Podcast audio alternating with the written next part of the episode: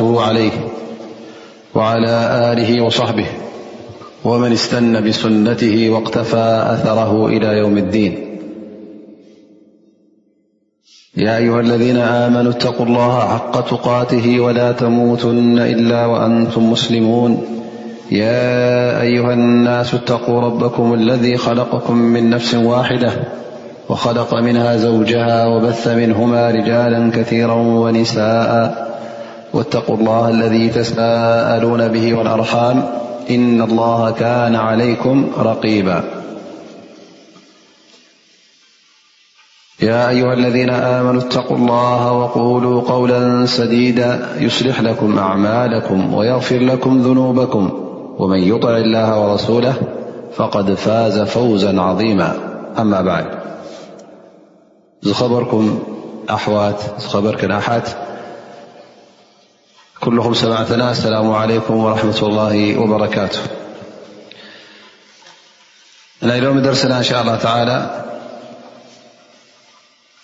حديث مبل ثلاثا حمش أحاديث الأربعين النووية خون إن شاء الله تعالى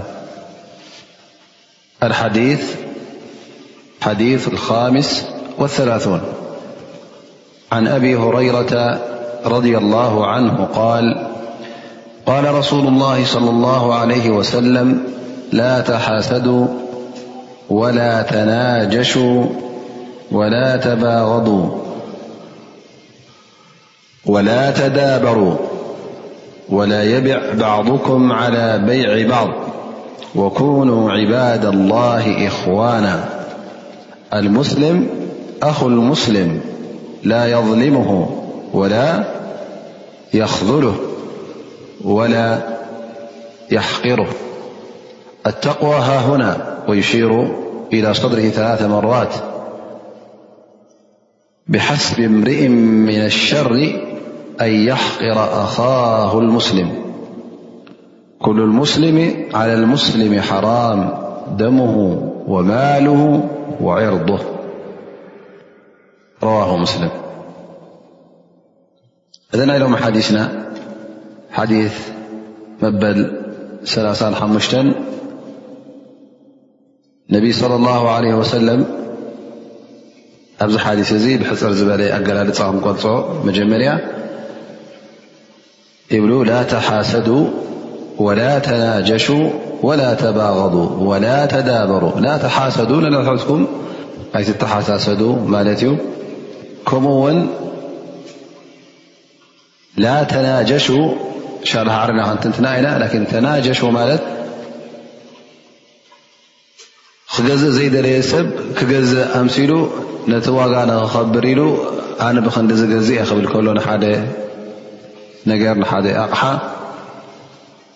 ንኽገዝእ ሓሳብ ዘይብሉ እንከሎ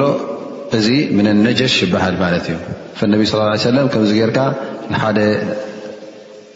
ኣቕሓ ዋግኡ ካብቲ ግቡእ ንላዕላ ክተሕልፎ ምስቲ ሸያጣይ ተሰማሚዕካ ሓዉካ ኮይኑ ዘመትካ ኮይኑ ወይ ጥቕሚ ኣለካ ኮይኑ ከምዚ ዓይነት ጌርካ ንሰብ ክተታልል ጌጋ ከም ምዃኑ እዩ ዝሕብር ዘሎ ወላ ተባغዱ ኣይትፀላልኡ ወላ ተዳበሩ ኣይትገዳደፉ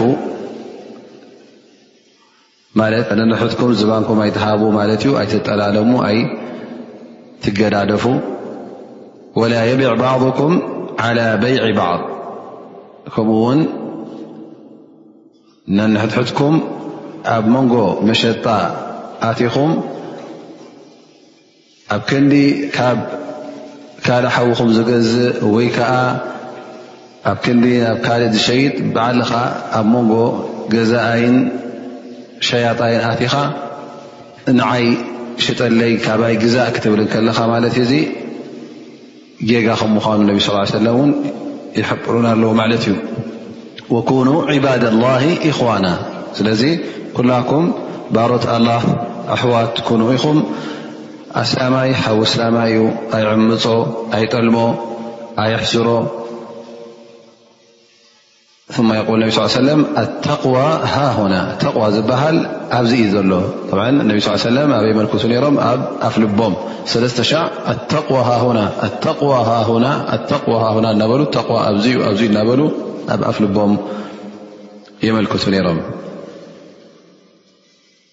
ወዲ ሰብ እከይ ዝዓበይ እከይ ዝገብሮ ወይ ከዓ እኹል እከይ ካብቲ ወዲ ሰብ ዝገብሮ ንሓዉ ኣስላማይ ክሕስትር እንከሎ ኩሉ ሙስሊሚ ዓለ ሙስሊሚ ሓራም ኣስላማይ ንስላማይ ብኩሉ ሓራም እዩ ማለት ደሙ ማሉ ክብረቱ በዚ እነቢ ስ ሰለም ነዚ ሓዲስ እዚ በዚ ሓዲስ እዚ እነቢ صለ ላه ለ ወሰለም ከምዚ ገይሮም ምኽሪ ይቡና ማለት እዩ በዚ ይውዳእ እዚ ሓዲስ እዚ እንተ ርእናዮ ዓብ ፋይዳ ዘለዎ ሓዲስ ይኸውን ምኽንያቱ ነነትሕድና ሕውነት ንኽንገብር እነቢ ስ ሰለም ይእዝዙና መሰረት ናይ ዝሕውነት እዚ እውን እንታይ ከም ምዃኑ ሓቢሮምና ማለት እዩ ነዚ ሕውነት እዚ ደፍርስ ድብርስ ከም ሓሰድ ዝኣመሰለ ከም ጥልመት ምፅልላ ምብትታኽ ምግድዳፍ ንንሕትካ ምውራድን ምሕሳርን ካብኡ ክንጥንቀቕ ከም ዘለና እነቢ ስለ ላ ለ ወሰለም ሓቢሮምና ማለት እዮም ስለዚ ዝኾነ ኹን ዓይነት ናብ ፅልእን ናብ ምፅራፍን ናብ ርክባት ምብታኽ ዘብፅሕ ነገር ክንገብር ከም ዘይብልና እዩ እዚ ሓዲስ እዚ ዘጠንቀቐና ዘሎ ማለት እዩ ኣብ ርእሲኡ እውን ማል ክብረት ደም ወይ ከዓ ነፍሲ ወዲ ኣስላማይ ክቡር ከም ምዃኑ፣ ሕልው ከም ምዃኑ፣ ሓራም ከም ምዃኑ ብዘይ ግቡእ ብዘይ ሕጊ ክፈርስን ክፈስስን ከምዘይብሉ እዚ ሓዲስ እዚ ይሕብረና ኣሎ ማለት እዩ ምክንያቱ እዚ ከዓ ነቲ ህብረተሰብ ነንሐዱ ተኣማሚኑ ኣብ ኣማን ዝዓሰሎ ዓዲ ኣብ ኣማን ዝዓሰሎ ሕብረተሰብ ክነብር ዝኽእል እዚ ሓዲስ እዚ እንሻ ላ ብዝከኣልና መጠን ሎም መዓልቲ ወላ ፍርቁ ክንወስዶ ኢና ኣብ ዝመፅ ዘሎ ሰሙን ድማ እቲ ፍርቂ ክንምልእ ኢና ብእዝኒ ላ ተላ ቃል ረሱ ሰለም ላ ተሓሰዱ እታ ቀዳመይቲ ነጥቢ ነቢ ስ ሰለም ላ ተሓሰዱ ነንሕትኩም ኣይትሓስዱ ዝበላ ሓሰድ እንታይ ማለት እዩ ሓሰድ ንገዛእ ርእሱ ትርጉም ኣለዎ ብቋንቋ ዓረብ ቃሉ ኣልሓሰድ ህዋ ተመኒ ዘዋል ኒዕማ ሰናይ ዝረኸበ ሰብ ሽሻይ ፅቡቕ ነገር ዝረኸበ ሰብ ክትርኢ ከለኻ እቲ ረኺብዎ ዘሎ ር እቲ ረኺብዎ ዘሎ ሽሻይ ንኽጠፍእ ጠፊኡ ከዓ ናብኡ ንክመፅእ ክትምነ ከሎ ማለት ሓውካ ረኪብዎ ዘሎ ፅቡቕ ንሱ ጠፊኡ ንስኻ ንዓኻ ንክኸውን እዚ ዓይነት ስምዒት ክህሉ ከሎ እዚ እንታይ ይቁፀር ማለት እዩ ዓብይ ጌጋ ይቁፀር። ሓሰድ እውን ይበሃል። እዚ ንገዛእ ርእሱ እዚ ሓሰት እዚ ከምዚ ዓይነት ስምዒት ማለት ሓደ ወዲ ሰብ ሓውኻ ዘመድካ ሓውኻ ስላማይ ዝኾነ ይኹን ር ረኺቡ ክትረኽቦ ከለኻ ፅቡቕ ረኺቡ ክትሪኦ ከለኻ እቲ ረኺብዎ ዘሎ ሰናይ ሽሻይ ክበርስን ክጠፍእን ክትምነ ከለኻ ብ ልብኻ ኩምትር ክትብል ከለኻ ኣብ ርእሲኡ ድማ ናባኻ ክመፅእ ኮይኑ ወይ ውን ንኸይመፅእ ይኹን እስኻ ጥራይ ተቐንዲ ድልትካ እቲ ረኺብዎ ዘሎ ክጠፍእ እተ ኮይኑ እዚ ሕማም እዩ ዝቁፀር ማለት እዩ ሓደ ዓብ ሕማም እዩ እዚ ነገር እዚ እውን ምናልባሽ ኣብ ሓደ ክልተ ጥራይ ሰብ ኣይኮነን ኣብ ብዙሓት ሰባት ን ንረኽቦ ንኸውን ምክንያቱ ወዲ ሰብ ከምቲ ኣላ ስብሓን ወተዓላ ዝኸለቁ ቀናዕ ገይሩ ከሊቁዎ እዩ መብዙሕቲ ግዜ ንሱ ብሉፅን ቀዳማይን መሪሕን ኮይኑ ነታ ነፍሱ ኣብ ፅቡቕ ናብራን ኣብ ፅቡቕ መድረኽ ኣብ ፅቡቕ ቦታ ክንክትከውን ይፈትዋ እዩ ካብዚ ስምዒት እዚ ተበጊሱ ድማ ምናልባሽ ሓሓደ ግዜ ካልኦት ክሓልፍዎ ከለዉ ካልኦት ካብኡ ክበልፁ ከለዉ ካልኦት ካብኡ ክሕሹ ከለዉ ምናልባሽ እዚ ናይ ሓሰድ ስምዒት ኣብ ልቡ ይመፅእ ይኸውን ስለዚ ነብሱ ወዲ ሰብ ክቃለስ ኣለዎ ብሕልፊ ትስላማይ ከምቲ ኣነቢ ስለ ላ ለ ወሰለም ዝሓበርዎ ግዴታ ነዛ ነብሱ እዚኣ ከምዚ ዝኣመሰለ ስምዒት ንኸይረኽባ ክቃለስ ኣለዉ ፈፂሙ እውን ደድሕሪ ስምዒቱን ወይንትኡን ክጓዓዝ የብሉን እዚ ሓዲስ እዚ ላ ተሓሰዱ ክብለና ከሎ ሓሰድ ንገዛእ ርእሱ ሓራም ከም ምዃኑ እዩ ዘብርሃልና ዘሎ ማለት እዩ ሓራም ከም ምዃኑ ብኣላ ስብሓን ወተዓላ ከም ዘይፍቶ ኣላ ስብሓን ወተዓላ ሓሰድ ፀልኦ ከም ምዃኑ እዮም እነቢ ስለ ላ ለ ሰለም ዝሕብሩና ዘለዉ ምኽንያቱ ሓደ ሰብ ንሓደ ሰብ ክሕስዶ እንከሎ እንታይ እዩ ዝብል ዘሎ ማለት እዩ እዚ ሰብ እዚ ወላ ብኣፍዋ ይበል ስለምንታይ ጎይታ ንፍላን ንኽስቶ ከምዚ ዓይነት ሽሻይ ሂብዎ ኢሉ ንኣላ ስብሓን ወተዓላ ከም ጌጋ ዝገበረ ገይሩ ይርኤ ኣሎ ማለት እዩ ካኣነሁ ልክዕ እንታይ ይብላ ኣሎ ማለት እዩ ያ ረቢ ስለምንታይ ንፍላን ንከምዝን ከምዝን ንዑ ሂብካዮ ማል ይኹን ገንዘብ ይኹን ሃብቲ ይኹን ሽሻ ይኹን ሽመት ይኹን ዝኾነ ይኹን ዓይነት ፅቡቕ ነገር ኣብ ኣዱንያ ዝርከብ ክረኽቦ ከሎ ስለምንታይ ኣታ ጎይታ ንፍላን ሂብካዮ ንዑ ግዲፍካ ንዓይ ዘይትበኒ እዩ ዝብል ዘሎ ማለት እዩ ከኣነሁ ንኣላ ስብሓን ወተዓላ ተጋግዩ ኢሉ ስምዒ ተሓድሮ ኣሎ ማለት እዩ ስለ ከምዚ ዝኾነ እነቢይ ስለ ላ ለ ወሰለም እዚ ጉዳይ እዚ ብጣዕሚ ሓራም ከም ምዃኑ ኣብሪሆምና ማለት እዩ ምክንያቱ ኣብቲ ድልት ኣላህን ኣብቲ ኣመቓቐለ ኣላ ስብሓን ወላ እቲ ሽሻ ይኹም ድላ ዩ ዝመቕሎ ኣብኡ ኢትካ ተእትለኻ ማለት እዩ ንዓኻ ዘይኮነ ንካልኦት ስለምንታይ ኮይኑ ኢልካ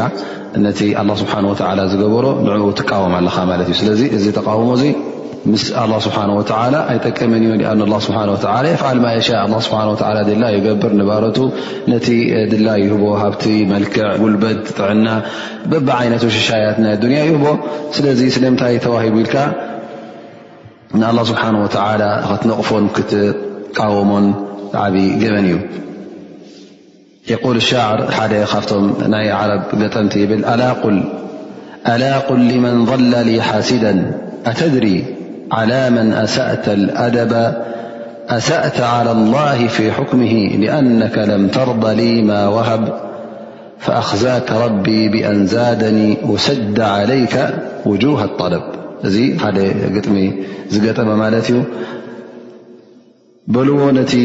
ንዓይ ዝሐስድ ዘሎ ምስ መን ኣደብ ከም ዝሰኣነ ይፈልጥ ዶ ኣደብ ከም ዘይገበረ ምስ ጎይታ ምስ ኣላህ እኳ እዩ ኣብቲ ውሳነ ናቱ ኢዱ ዘእቱ ዘሎ ንኣላ ይነቅፍ ኣሎ ምኽንያቱ እቲ ኣላ ስብሓን ወተዓላ ዝሃበኒ ንዓኻ ደስ ስለ ዘይበለካ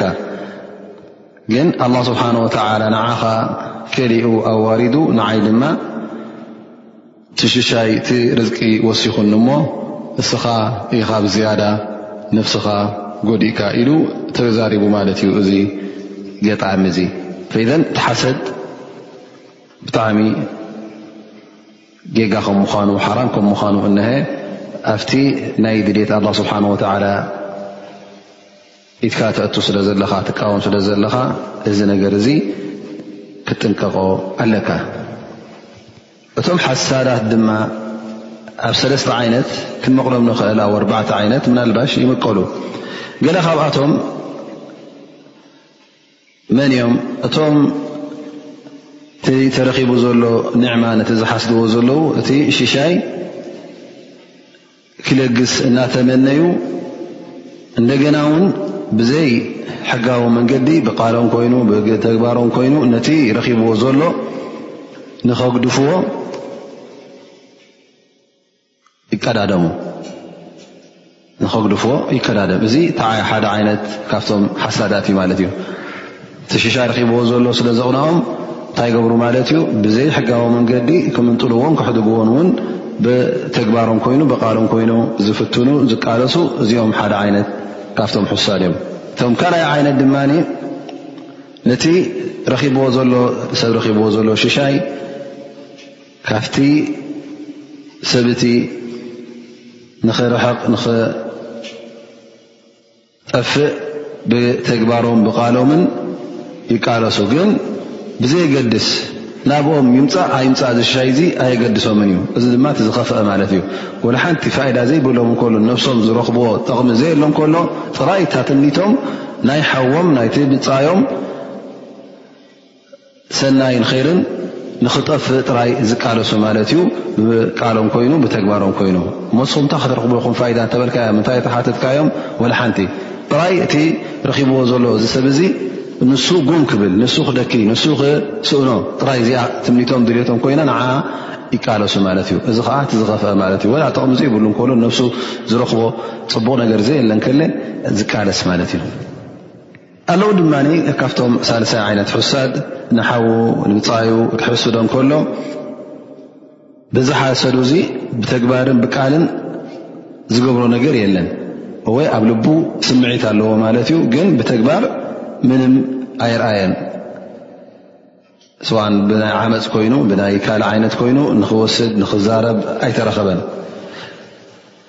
እዚ ሰብ እዚ እንተ ደኣ እዚ ናይ ልቡ ነገር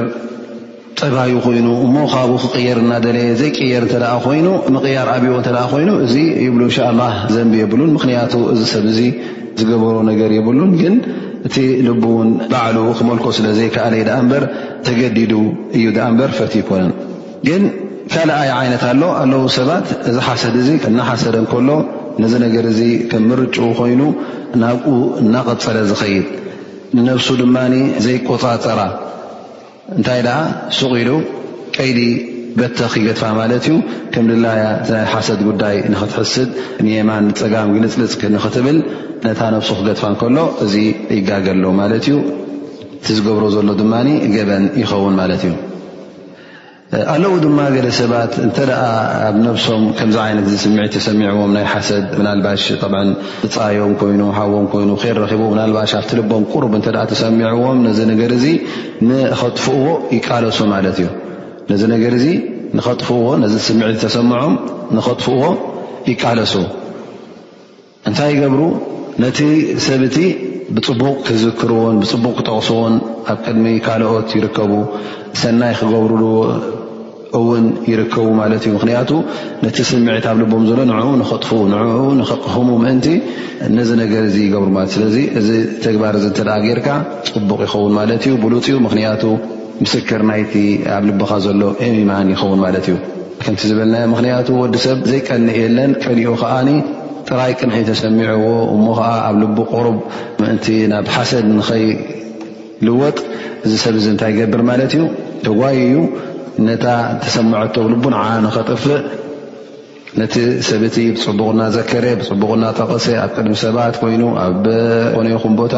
ከምኡ ውን ሰናይን ኼርን ክገብረሉ እንተ ተረኺቡ እዚ ነቲ ጉዳይ ተቓሊስዎ ማለት እዩ ሓሰድ ንገዛእ ርእሱ ኣላ ስብሓን ወተዓላ ክጠቕሶ ከሎ እዚ ተግባር ናይቶም ክሓቲ ከም ምዃኑ ናይቶም ካብ መገዲ ዝወፁ ከም ምዃኑ ኣላ ስብሓን ወተዓላ ንገዛእ ርእሶም እቶም ኣህለልክታብ እቲ حسد كم نبرم الله سبحانه وتعالى بل ود كثير من أهل الكتاب لو يردونكم من بعد إيمانكم كفارا حسدا من عند أنفسهم من بعد ما تبين لهم الحق فأهل الكتاب እቲ እስላማይ ረኺብዎ ዘሎ ር እቲ ሒዝዎ ዘሎ ናይ ብሓቂ ዲን ነዚ ነገር እዚ ገዲፉ ከም እንደገና ናብቲ ክሕደት ንኽምለስ ይቃለሱ ማለት እዩ ምኽንያቱ በቲ ሽቡሃት ኮይኑ በቲ ዝዛረብዎ ኣንፃር ዝስልምና እዚ ወይ ከዓ በቲ ዝገብርዎ ቃልስታት ምስ ዝኾነ ይኹን ሸነኽ ተሓባቢሮም ነቲ ናይ እስልምና ዳዕዋ ንኸቕህሙ ኣብ ብዙሕ ሃገራት ኣብ ዝተፈላለያ ሃገራት የማን ፀጋም እናበሉ ዝቃለሱ እዚ ክገብሩ እንከለዉ ከዓ ካብ ምንታይ ተበጊሶም እዩ ከማ ቃል ላ ስብሓን ወተላ ሓሰደን ምን ዕንዲ ኣንፍስህም ምን ባዕድ ማ ተበየነ ለሁም ሓቅ ሓቂ እናፈለጥዋ ከለዉ ግን ብሰንኪ ኣብ ልቦም ዘሎ ሓሰድ ነዚ እስላማይ እዚ ነዚ መንገዲ ሒዙ ዘሎ ካብቲ መገዲ ቅንዕና ሒዝዎ ዘሎ ናብቲ ዝነበሩ ናይ ቀደም ጥፍኣት ኣብ መገዲ ክሕደት ንክመልዝዎ ይቃለሱ ማለት እዩ ላ ስብሓን ወተላ እውን ንልየሁድ ናይ ይሁዳውያን እውን ክገልፆም ከሎ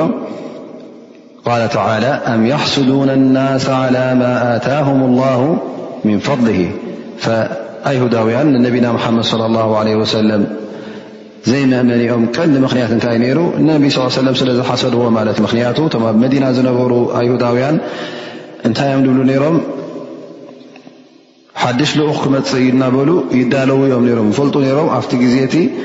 ኣላ ስብሓን ወተላ በቲ ዘንብብዎ ኣብቲ ዝፀንሖም ክታብቲ ናይ ኦሪት ልኡኽ ክልኽ ከም ምኳኑ ዘመኑ ከምዝቀረበ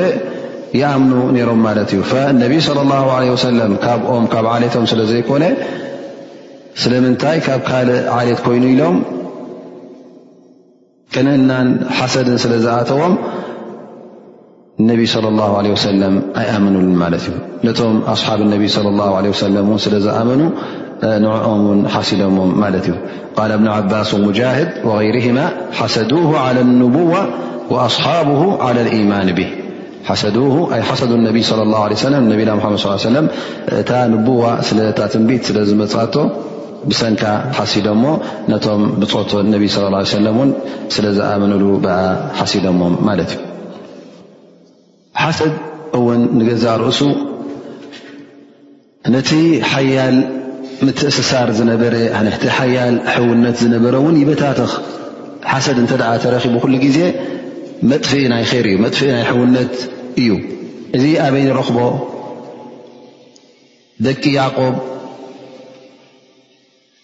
ምስ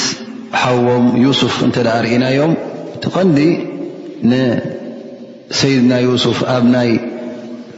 ምሻጥን ኣብ ናይ ማእሰርትን ኣብ ናይ ውርደትን ኣብ ብዙሕ ሽግራትን ዘውደቖ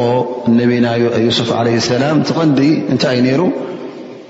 እቶም ኣሕዋቱ ስለ ዝሓሰድዎ ማለት እዩ ኣቦኡ ያዕቆብ ዓለ ሰላም ብዝያዳ ዝፈትዎ ስለ ዝነበረ ስለምንታይ ኣቦና ንዮሱፍ ካባና ንላዕሊ ይፈትዎ ኢሎም ስለ ዝሓሰድዎ እቲ ኩሉ ሽግራት ናብ ዝባን ሰይድና ዮሱፍ ወሪዱ ኣብ መንጎኦም እውን ኣብ መንጎቶም ኣሕዋት እውን እንታይ ተረኪቡ ማለት እዩ ምብትታኽን ምጥልላምን ተረኪቡ ማለት እዩ የቁል ላ ስብሓን ወተላ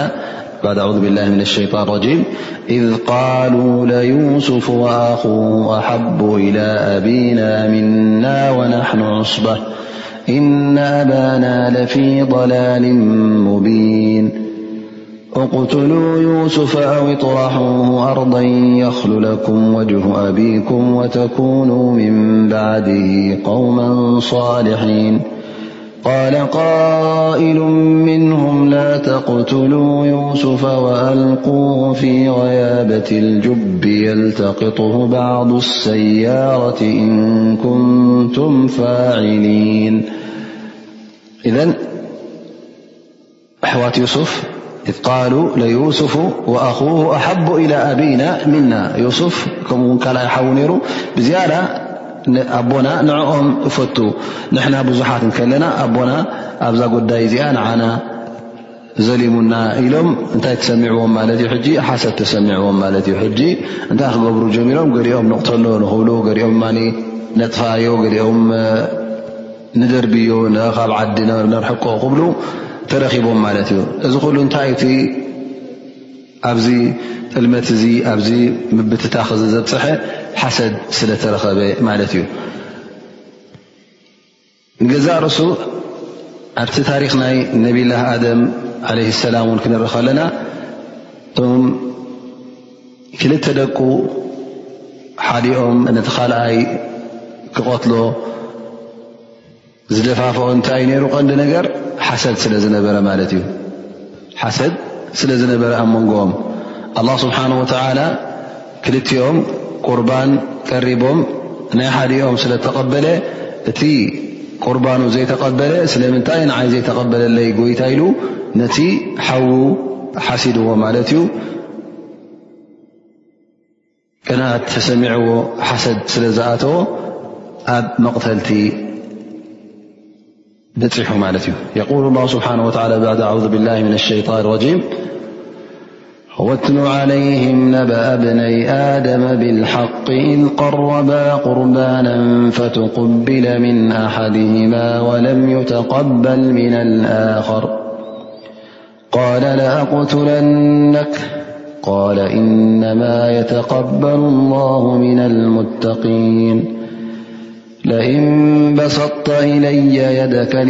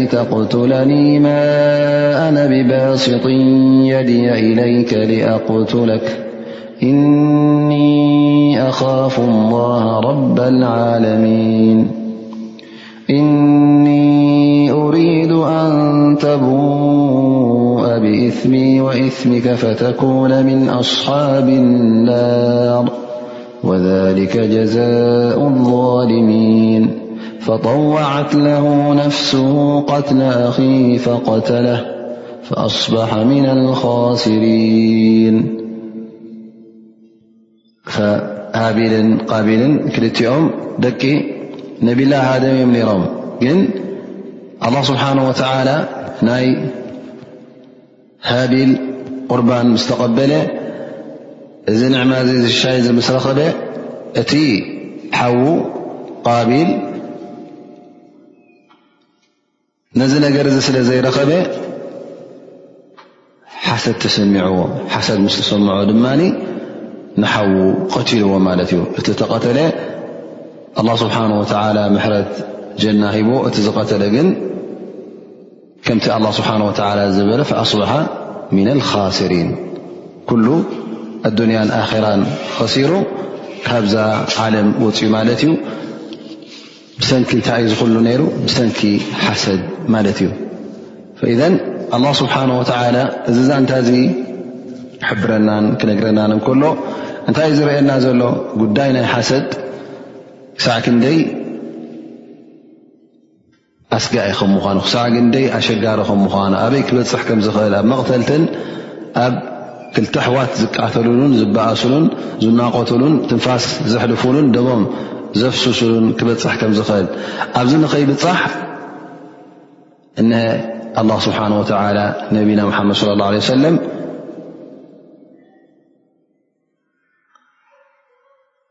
የጠንቅቑና ኣለዉ ማለት እዩ ሓሰድ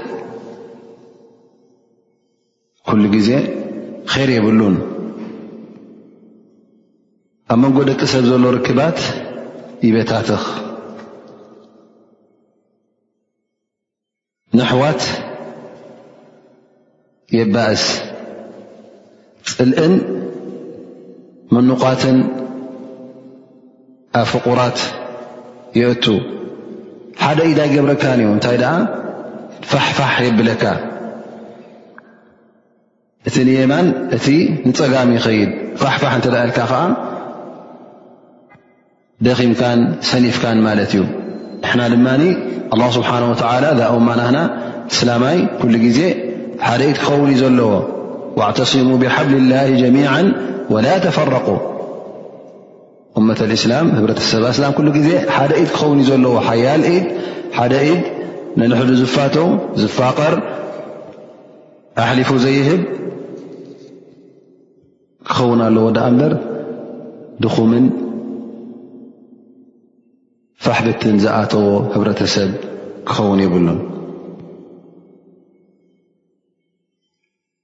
ሓሰድ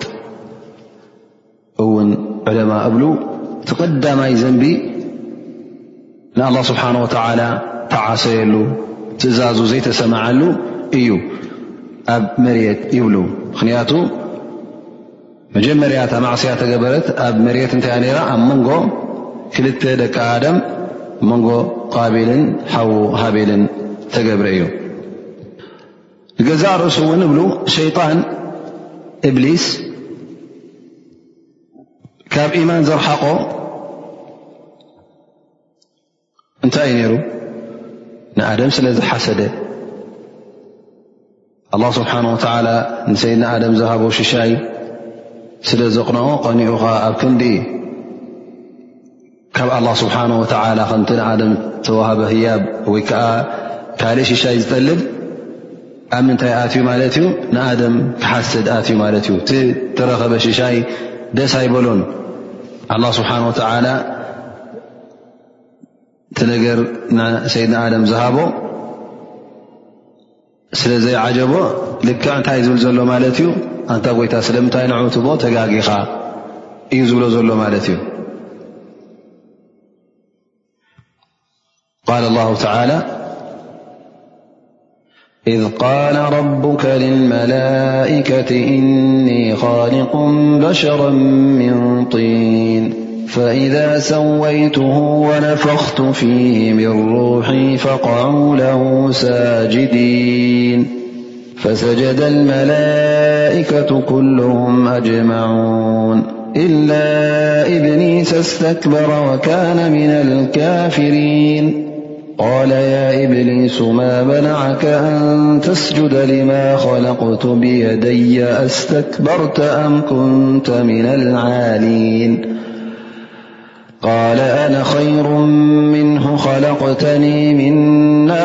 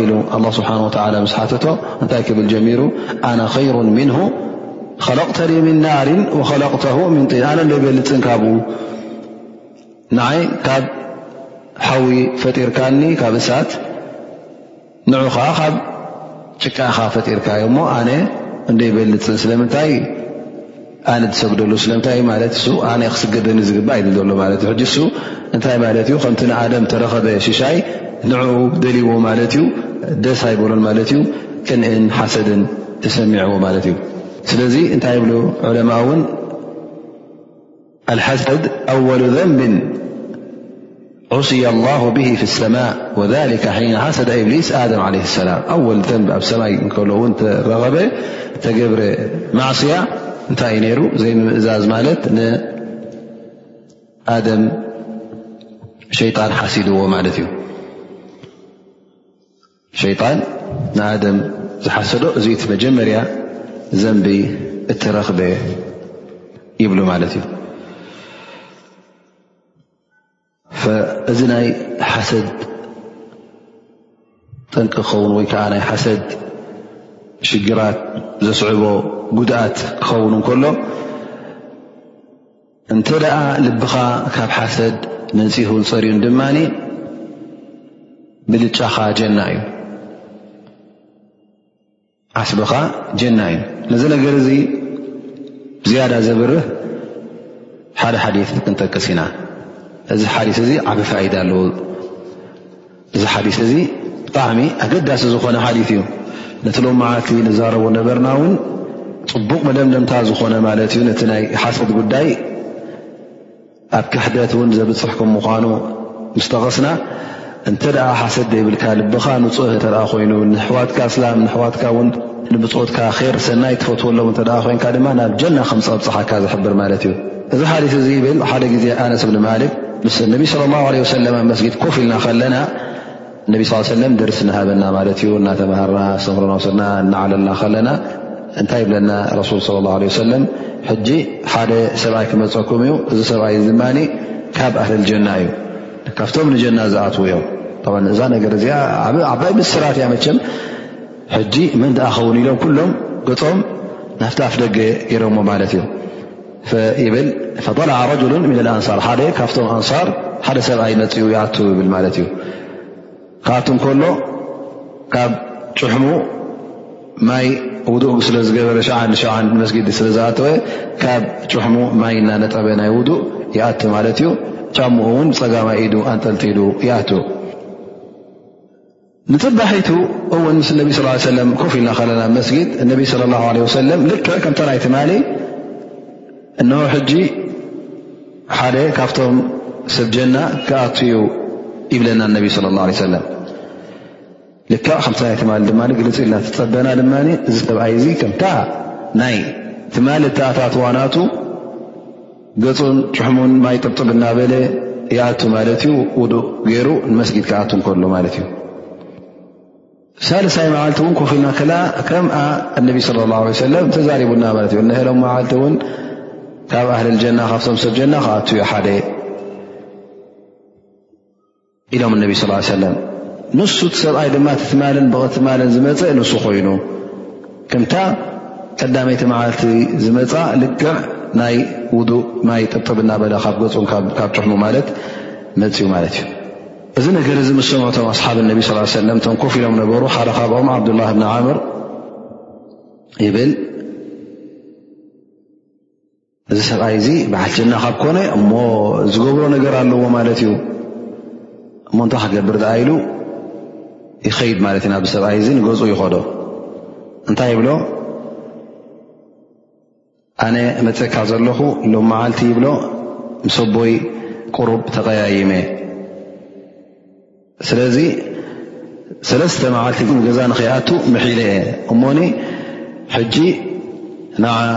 ምሳኻ ኣቐንየኒ ዘን ሰለስተ መዓልቲ ኢሉ ይዛረቦ ማለት እዩ ኣብሽር ይብሎ ባ ን እንታይ ሰለስተ መዓልቲ ንዓኻ ዘይኮነ ንመን ክኸውን ንዓ ይብሎ ምስ ይቕድኒ ማለት እዩ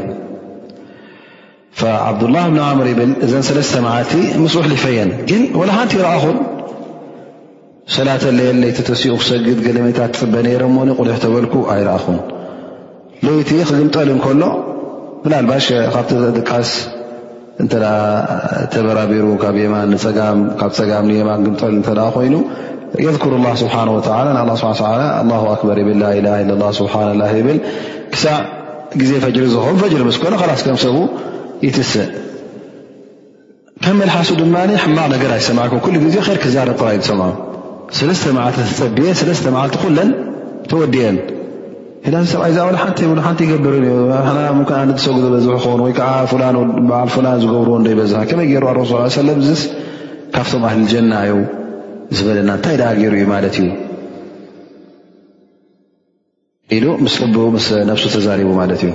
ሰለስተ መዓልቲ ምስ ተወድኣ ሓንቲ ነገር ኣይረኣየን ሓድሽ ነገር ዝረኣዮ ስለ ዘይብሉ ይብሎ ዓብደላ ኣንታ ሓወይ ኣንታ ዓብደላ ኣነ ኣብ መንጎ እይን ኣብ መንጎ ኣቦይን ባእሲ ነበረ ወላ ፅልኢ ነበረ ኣነ ውን ገዛ ገዲፈን ስለስተ መዓልቲ ምሕለ ዝበልኩካ ዝነገር እዚ ሓቂ ኣይኮነን ግን ኣነ ዘምፅኣኒ ቀንዲ ነገር እነቢ ለ ላ ለ ወሰለም ሰለስተ ሻዕ ኣብ ምስኦም ኮፍ ኢልና ከለና ሎም መዓልቲ እነህበዛ ኣፍ ደገ እዚኣ ካብ ኣህሊ ልጀና ሓደ ክመፃኩም ኢሉና ሰለስተ ሻዕ ድማ ኣብ ሰለስተ መዓልቲ እስኻ መፅእካ እሞ ኣነ ድማ ነቢ ስለ ላ ሰለም ካብቶም ኣህልጀና ኢሉ ካብ መስከረልካስ እንታይ ደኣ ትገብር ኮን ትኸውን እሞ ኣነ ከምቲ ስኻ ትገብሮ ንክገብር ኢለ ምሳኻ ክቕኒ መፅ ሰለስተ መዓልቲ ዝኾን ክርእካ ሞኒ ብድሕሪኡ ስኻ ትገብሮ ልክዕ ከማ ክገብር ፀም እተ ኮይኑ ሰላት እተ ኮይኑ ካልእ ተግባራት ር እተ ኮይኑስ ከምኡ ንክገብር ስለ ዝሓሰብ ክዳ እምበር ካልእ ኣይኮነን ምሳኻ ዘቐነየንን ሰለስተ መዓልቲ ግን ሓንቲ ነገር ክትገብር ኣይረኣኹኻን ፍሉይ ነገርሲ ትገብሮ ነገር ኣይረኣኹዎን እንታይ ደኣ ሉ ዝኽሉ ኣብ ዘብፅሐካ እነቢ ስ ሰለም ብጀና ዝመስከረልካ ኢሉ ይሓቶ ማለት እዩ እንታይ ሉ ይምልስ ኣነ ከምዛ ዝረኣኻኒ ዝገብሮ ነገር ሓደሽ ነገር ካልእ ነገር የብለይን ከምኣ ኢሉ ምስ መለሰለይ ከይደ ይብል ማለት እዩ ቁሩብ ኪድ ምስ በልኩ ፀዊዑኒ ተመሊሰዮ ኣንታ ሓወይ ኣነ ከምዛ ዝረኣኻኒ ግን ምናልባሽ ካልእ ነገር ክነግረካ እንተ ኮይኑ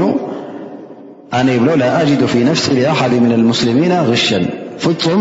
ንዝኾነ ይኹን ኣስላማይ ኣነ ኣብ ልበይ ሽ ምቕሻሽ ዝበሃል የለን መቕሸሽ ዝበሃል የለን ምኽሪ እንተ ሓቲቶምኒ እተ ክመኽሮም ኮይነ ፅቡቕ ነገር ጥራይ የደልየሎም ፅቡቕ ነገር እየ ዝፈትወሉ ዝኾነ ይኹን ሰብ ወላ ኣሕስዱ ኣሓደ ዓላ ኸይርን ኣዕጣሁ ላ እያ ኣነ እውን ዝኾነ ይኹን ር ዝረኸቦ ሰብ እንተ ርእየ ብፍፁም ሓሰድ ኣይስምዓኑን ዩ ኣይሓስዶን እየ ኢሉ ይዛረቡ ማለት እዩ ኣብ ልቡ ማለት ብካልእ ርዋያ ዝመፀውን ላኣጅዱ ፊ ቀልቢ ሸይኣን ሓዲ ምና ሙስልሚን ኣብ ልበይ ንዝኾነ ይኹን ኣስላማይ ዝሕዞ የብለይን ብልበይ ሕማቕ ነገር ዝኾነ ይኹን ሓወይ እውን ሕማቕ ነገር ኣብ ልበይ ኣይሕዘሉን እየ እንታይ ደኣ ልበይ ብንፁህ ብንፅህና እየ ዝሪኦም ምስ በለ ፈቃል ዓብዱላ ሃذ ለቲ በለغት ቢክ እዚኣ እያ እምበኣር ንዓኻ ኣፍታ መድረኽ ወይ ከዓ ኣፍታ ጀና ዘብፅሓትካ ይብሎ ማለት እዩ እዘን እዚ ሓዲስ እዚ እንታይ የብርህልና ማለት እዩ ሓሰብ እንት ደኣ ዘየሎ ኮይኑ እታ ነፍሲ ወዲ ሰብ ክሳዕ ክንደይ ልእልቲ ከም ትኸውን ንፅህቲ ኮይና ኣብ ጀና እውን ክትብፅሓካ ከም ትኽእል እዩ ኣብርህልና እዚ ሓዲ እዚ እዘን ሓሰድ ልክዕ ከም እሳት እዩ ማለት እዩ። ንገዛእ ርእሱ ነቲ ዝገበርካዮ ሰናይ ነገራት ንኹሉ ዘቃፅለልካ ማለት እዩ። ልብኻ እውን ንዓኻ ዘቃፅል ምኽንያቱ እንተ ንሰብ እቲ ኣላ ስብሓን ወተዓላ ዝሃቦም ሽሻይ ኣላ ስብሓን ወተዓላ ዝሃቦም ርዝቂ ርኢኻ እንተ ትሕስዶም ኮንካ ልብኻ ቃልቃል እዩ ዝብል ማለት እዩ። ምኽንያቱ ኣብ ርእሲ እቲ ወሪዱካ ዘሎ ናይ ሓሰድ ሕማም ትልብኻ እውን ስለ ዘይድቅስ እንደገና እቲ ትልብኻ ቃልቃል ይብል ስለምንታይ ክስቶ ከም ዝረኺቡ ስለምንታይ እቲ ከምቲ ረኺባ ስለምንታይ እቲኦም ከምዚ ዓይነት እዚ ኣላ ስብሓን ወተላ ሂቦም ኢልካ ጥራይ ዓይንኻ ናብ ካልእ ሰብ ክኸይድ ስለ ዝውዕል ኩሉ ግዜ ነፍስኻ እና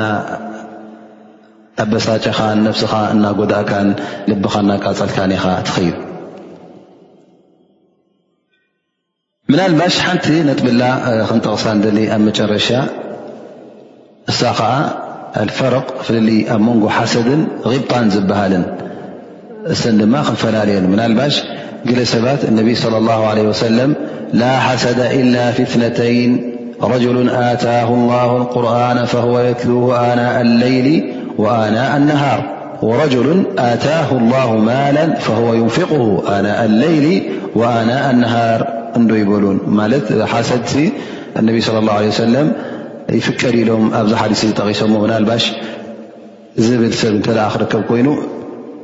እቲ ሓሰድ ማሕሙድ ዝበሃል ወይ ከዓ ቂጣ ዝበሃል ነገር ኣሎ ንሱ ከዓ እንታይ እዩ እንተ ሓደ ሰብ ኣላ ስብሓን ወተላ ር ሰናይ ሂብዎ እሞ ንስኻ ከምቲ ነዚ ሰብ እዚ ኣ ስብሓን ወላ ዝሃቦ ሰናይን ሽሻይን ርሲ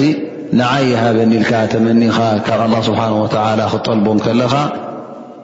እቲ ሓውኻ ረኺቦ ዘሎ ሽሻይ ድማ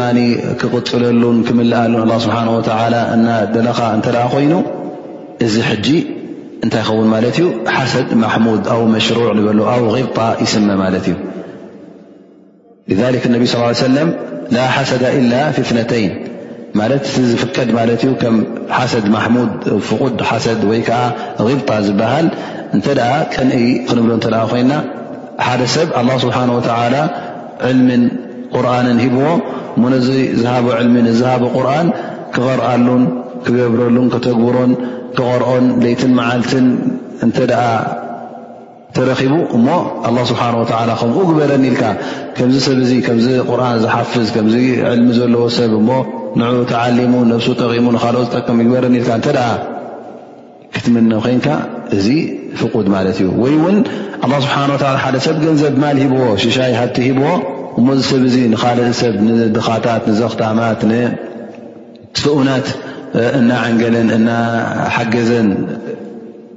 ለይትን መዓልትን ገንዘቡ ኣብ ር ኣብ ሰናይ ዘጥፍእ ክኸውን እንከሎ እሞ ንስኻ ከዓ ልክዕ ኣምታረዲ ከምዚ ሰብኣይ እ ከምዚ ሃብታም እዚ ከምዚ ዲታ እዚ ግበረኒ ኣነ እውን ልክዕ ከምኡ እቲ ገንዘብ ሊላ ኢለ ኣብ መዓላ ኣብ ር ኣብ ሰናይ ኣብ ግብረ ሰናይ ኣብ ንዘኽታምን ንድኻን ምጥቃምን ከጥፎ ገንዘበ ኢለይትን መዓልትን ከምኡ ግበረኒ ተመኒኻ ድማ እዚ ድማ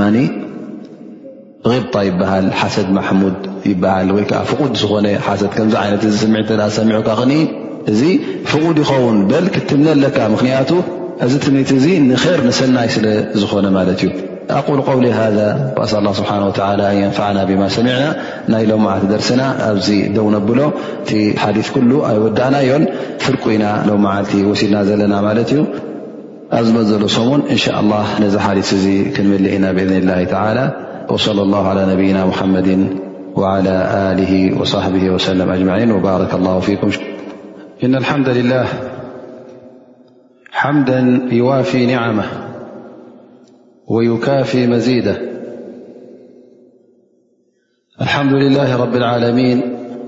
قيوم السماوات والأرضين مدبر الخلائق أجمعين والصلاة والسلام على المبعوث رحمة للعالمين إمام المتقين وقائد الغر المحجلين محمد بن عبد الله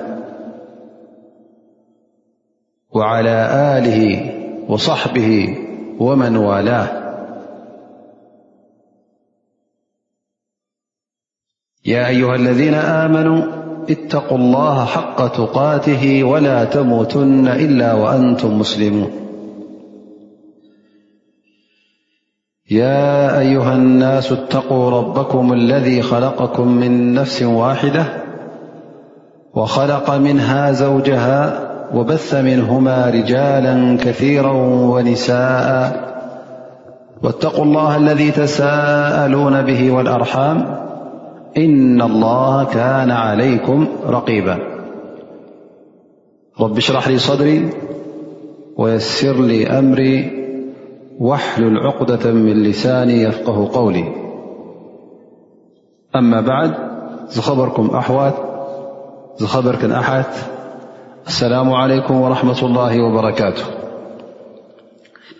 ናይ ሎሚ ደርስና እንሻ ላ ተላ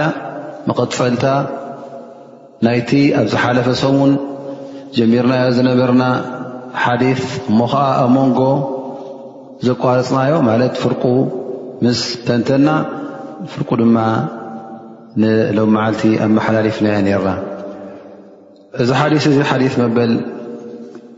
3ሓ እዩ ነይሩ ከም መዘኻኸር እንሻ ላ ነቲ ሓዲፍ ኩሉ ከነንብቦ ኢና ኣበይ ከም ዝበፃሕና ድማ እንሻ ላ ብሕፅር ዝበለ ክንጠቅስ ኢና እዚ ሓዲስ እዚ ይብል ን ኣቢ ሁረይረተ ረ ን ቃል ቃል ረሱሉ ላ ለ ላ ለ ወሰለም لا تحاسدوا ولا تناجشوا ولا تباغضوا ولا تدابروا ولا يبع بعضكم على بيع بعض وكونوا عباد الله إخوانا المسلم أخو المسلم لا يظلمه ولا يخذله ولا يحقره التقوى ههنا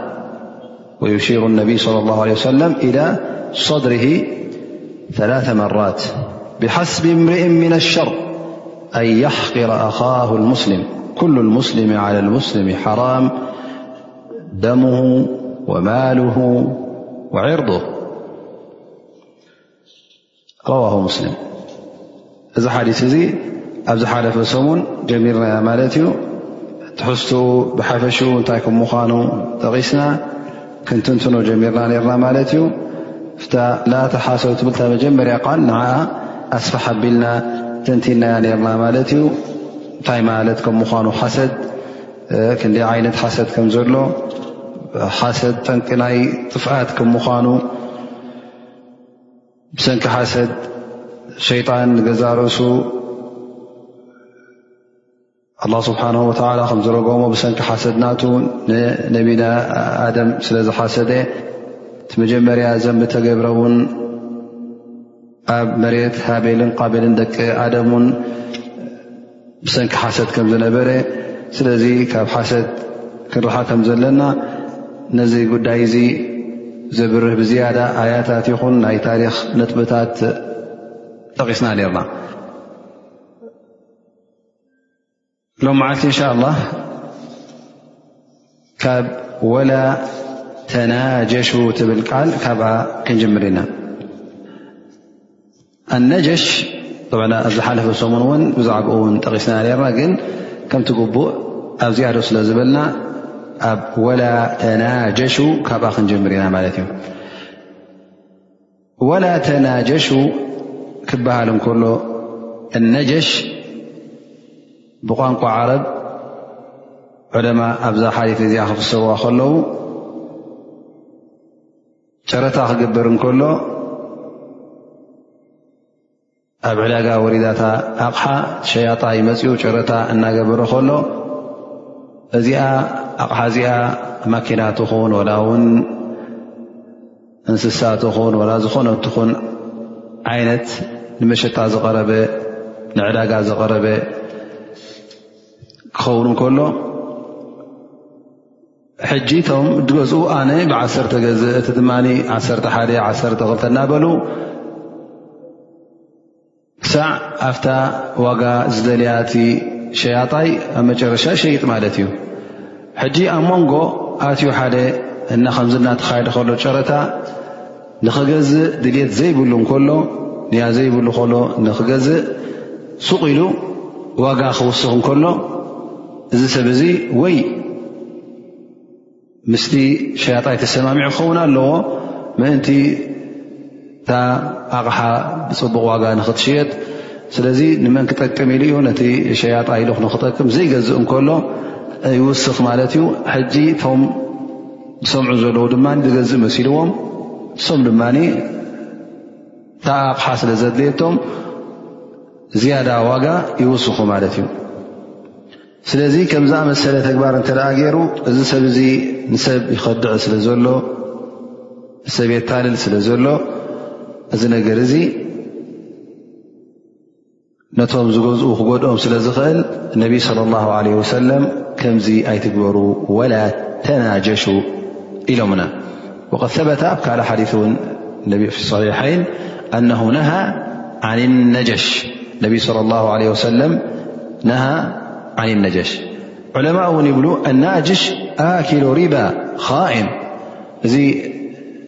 ነጀሽ ገይሩ ዝበልዕ ገለ ሰባት ምናልባሽ እንታይ ይገብሩ ማለት እዩ ምስ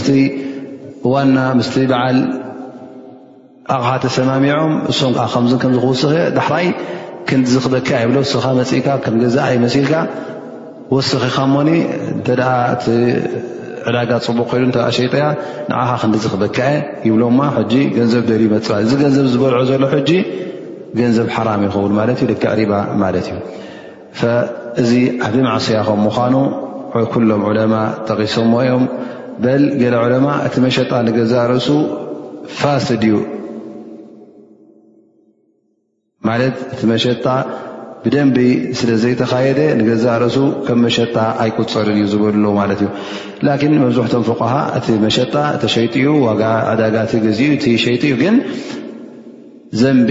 ዓብ ዘንቢ ኣለዎ ማለት እዩ መን እቲ ዝቐሸሸ እቲ ዝኸደ እዚ ኣብ መሸጣ ገለ ዕለማ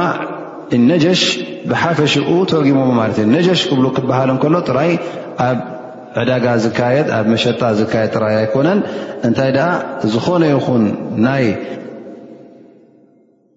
ውዲት ኣብ መንጎኻን ኣብ መንጎ ካልኦት ሰባት ዘሎ እሞ ከዓ ገለ ነገር ንክትወስድ እተ ውዲት ብክድዓት ወይ ብምትላል ተጠቒምካ እተ ጌርካዮ እዚ ኣብ ነጀሽ ይኣቱ ይብሉ ምክንያቱ እስኻ ሰብ ስለ ተታልል ዘይናትካ ንክትወስድ ሜላ ተጠቒምካ ንሰብ ክተጠፋፍእ ሰብ ስለ ትዐሹ እዚ ኣብ ጥራይ መሸጣ ዘይኮነስ ኣብ ናይ ዕዳጋን ንግድን ጥራይ ዘይኮነስ ኣብ ዝኾነ ይኹን ናይ መዓልታዊ ስራሓት እትሰርሖ ክኣቱ ዝኽእል እዩ ይብሉ ማለት እዩ ከምቲ ዝበልናዮ ገለ ዕለማ ሓፈሻዊ ንኹሉ ዘጠቓልል ትርጉም ሂቦሞ ዝኾነ ይኹን ዓይነት ናይ ምትላል ዘለዎ ስራሓት ከጠቓል ከም ዝኽእል ሓቢሮም ማለት እዩ ላ ስብሓን ወተላ የል ወላ የሒቁ መክሩ ሰይኡ ኢላ ብኣህሊ ወላ የሒቁ ኣልመክሩ ሰይኡ ኢላ ብኣህሊ ኩሉ ግዜ እቲ በዓል ክፉእ ውዲት ክፉእ ምትላል ዝገብር እዚ ፅባሕ ንግሆ ነቶም ዝገብርዎ ዘለዉ ኣብ ርእሲኦም እዩ ዝወድቕ ከምቲ ብቋንቋ ዓረብ ን ዝብልዎ መን ሓፈራ ሑፍረተ ኣኺ ወቃዓ ፊሃ እቲ ምስላ ዝፀንሐ ናይ ዓረብ ማለት እዩ መን ሓፈራ ሑፍረተ ኣኺ ወቃዓ ፊሃ ሓዉኻ ንኸተውድቕ ወይ ከዓ ንሓዉኻ ንኽትጎዲ ኢልካ እትሰርሖ ስራሓት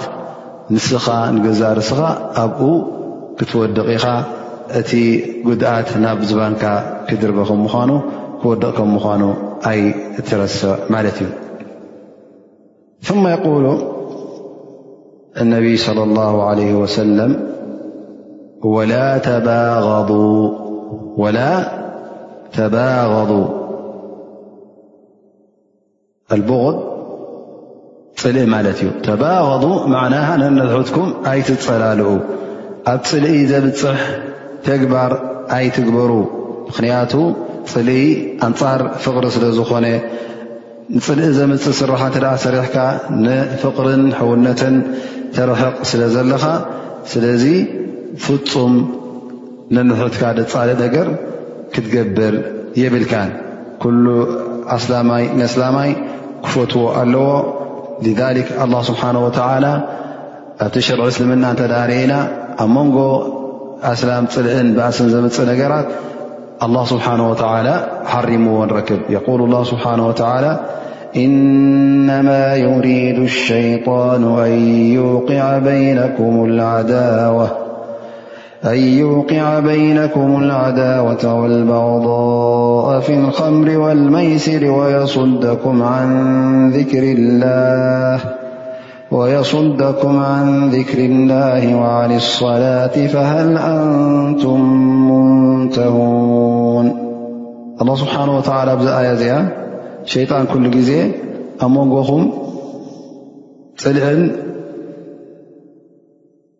ባእስን ተፃባእነትን ንኽርከብ እዩ ዝደሊ ብመስተን ብቑማርን ምኽንያቱ መስተ ሰቲ ሰብ ኩሉ ግዜ ሓንጎሉ ስለ ዝጠልሞ እንታይ ይብል ከም ዘሎ ስለ ዘይፈልጥ ምስ መን ይበኣስ ከም ዘሎ ምስ መን ይናቖት ከም ዘሎ ከይፈለጠ ንሰብ ይጎድእ ንሰብ ይፀርፍ ንሰብ ይሃርም ስለዚ ኣብ መንጎኡን ኣብ መንጎ ኣሕዋትን እውን ዘየድሊ ባእሲ ይርከብ ከምኡ እውን ቁማር መይስር ነንሕድካ ብዘይ ሕጊ ብዘይ ጉቡእ ብዘይ ቅኑዕ መንገዲ ትባላዕ ስለ ዝኾንካ ገንዘብ ሓዉኻ ትወስድ ስለ ዘለኻ እዚ ከዓ ነቲ ዝሰዓር ዘሎ የጒሆን የሕርቆን ስለ ዝኾነ እሞ ከዓ ብሰንኪ እዚ ናይ ቁማር ኩሉ ግዜ ንሰምዕ ኢና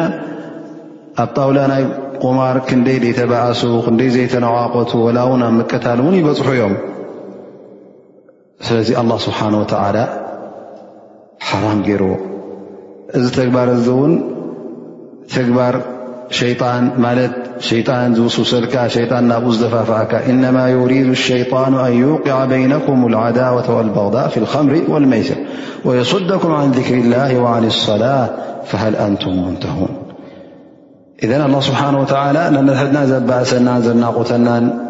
ዘቀያይመናን ነገራት ሓሪምዎ እዩ ስለዚ ኣብ መንጎናን ምንቲ ፍቕርን ስኒትን ንኽሰፍን እነሀ እዛ ኣያ እዚ ሎማዓልቲ ዝቐረናዮ እነ እዚ ሓዲስ ነቢ ለ ላ ለ ወሰለም ወላ ተባቐሉ ይብለና ኣሎ ማለት እዩ ኢዘን እዛ ኣያ እዚኣ ኩሉ እቲ ኣብ መንጎ እስላም ባእስን ፅልእን ምንቋትን ዘምፅእ ሓራም ከም ምኳኑ ተብርሃልና ኣላ ማለት እዩ ኣብ ካልእ ኣያታት ተዛርእና ወላ የቕተብ ባዕኩም ባዕض غባ ዝበሃል ሕሜታ ዝበሃል እውን ኣብ ሽርዒ እስልምና ኩልኩል እዩ ንድሕሪ ተሓማመ የብልካን ብድሕሪኡ ሕማቕ ዘረባ እውን ክትዛረብ የብልካን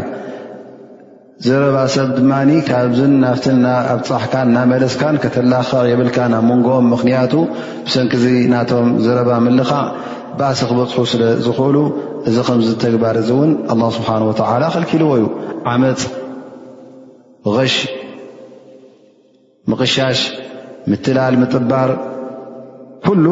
ናይ ሕውነት ማይ ሕርኽርኽ ዘእትወሉ ነገር ኣላ ስብሓን ወተላ ሓሪምዎ እዩ ስለዚ ኣስላም ኩሎም ከም ኣሕዋት ኮይኖም ፍቕርን ስኒትን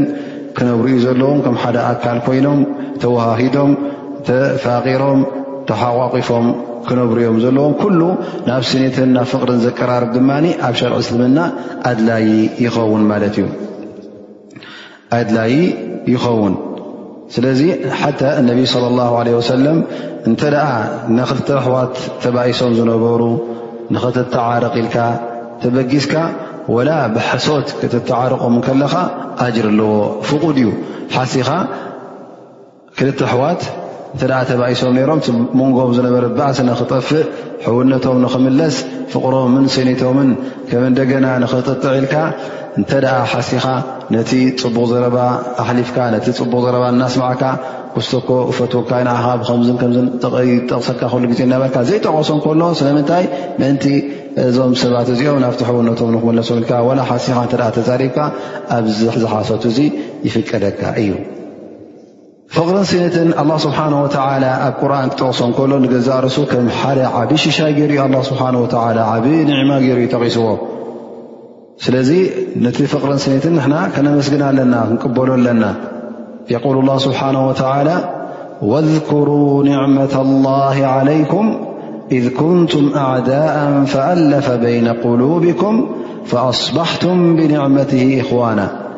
ኣስባሕቱም ብኒዕመት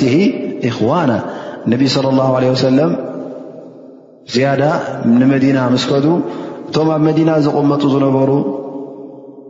ክልተ ዓበይቲ ቀቢላ ኦሱ ከዘረጅ ዝበሃላ ናይ ዓረብ ቀቢላ ብኡ ዝነበራ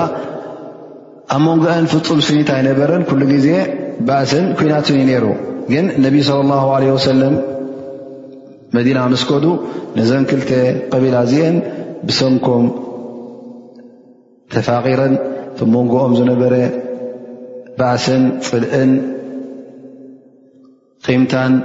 ቅርሕንትን ኩሉ ጠፊኡ ልቦም ኣላ ስብሓን ወተላ ከም ሓደ ልቢ ገይሮ ኩሎም ኣስላም ኮይኖም ኣብ ሓደ ዲፋዕ ኮይኖም ነቲ እስልምና ይከላኸልሉ ነይሮም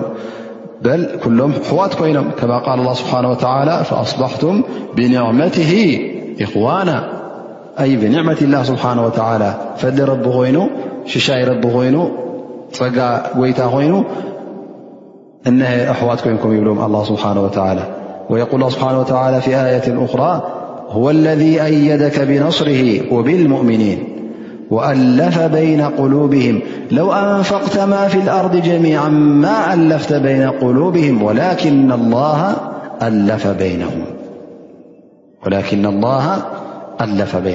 الله سبحانه وتعالى نبينا محمد صلى الله عليه وسلم ኩሉ ኣብ መሬት ዘሎ ገንዘብ ቀሪብካ ርካ ውፅእካ ርካ ትኸውን ነዞም ተፃሊኦም ዝነበሩን ተባኢሶም ዝነበሩን ከተፋትዎም ከተፋቀሮም ኢልካ እተትፍትን ኣይ መፋቐርካዮምን ነርካ እዚ ነገር እዚ ብኣላ ስብሓን ወተላ እዩ ዝርከብ ፍቕርን ስኒትን ኣላ ስብሓን ወተላ እዩ ዘምፅኦ ስለዚ እዚ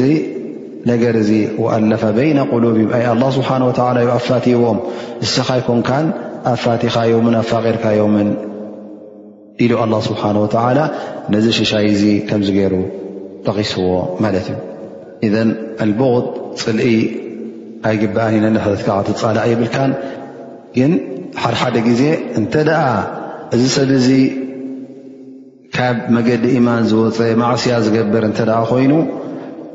ወይ ከዓ ንኣላ ስብሓን ወተላ ፀልእ ተፃባኢ ናይ ኣላ ተፃባኢ ናይ ረሱል እንተ ኮይኑ እዚ ብዚ ክፀልኦ ኣለካ ክንዲቲ ክፍኣት ናቱ ክንዲቲ እከይ ተግባራቱ ክትፀልኦ ኣለካ ማለት እዩ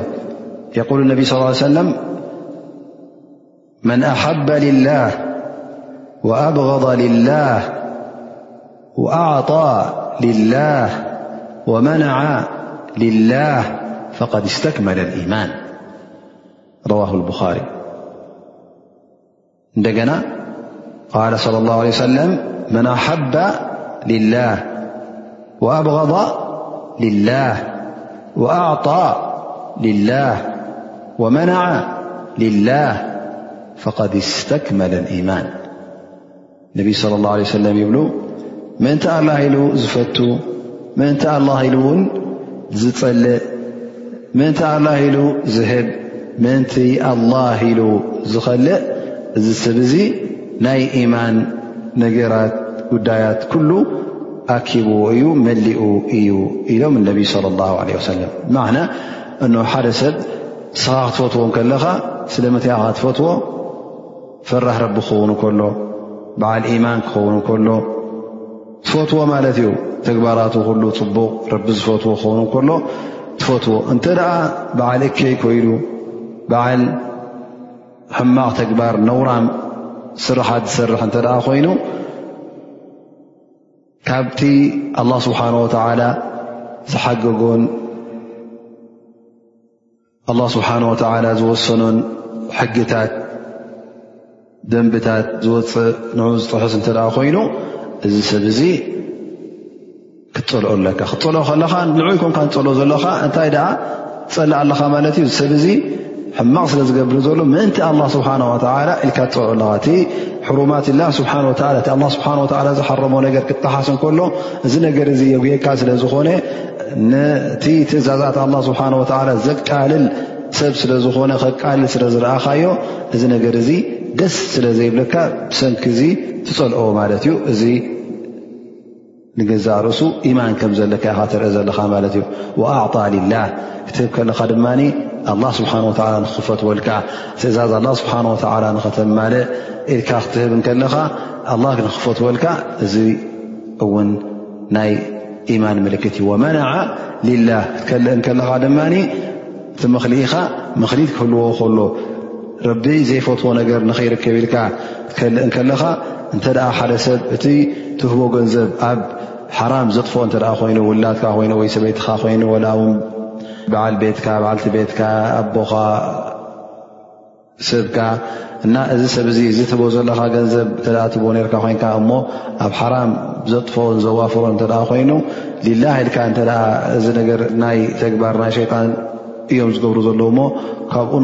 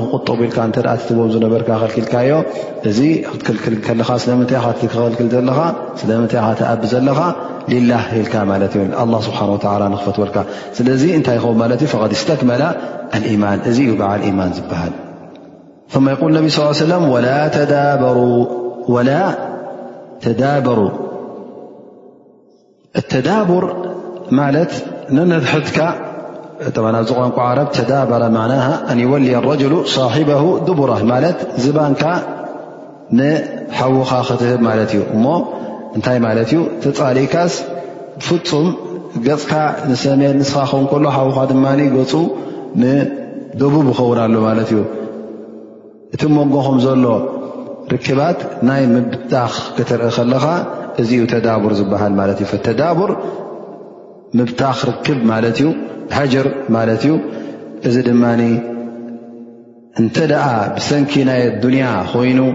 ማለት ስለ ዘየለቅሓኒ ዶ ስለ ዘይበፅሓኒ ሰላም ኣይበለንን ረጊፁና ሓሊፉ ኢልካ ከም ዝኣመሰለ ናይ ኣዱንያ ነገር እንተ ኮይኑ ላ የሕል እዚ ነገር እዚ ኣይፍቀድን እዩ በዚ ነገር እዚ ክትፃላእ የብልካን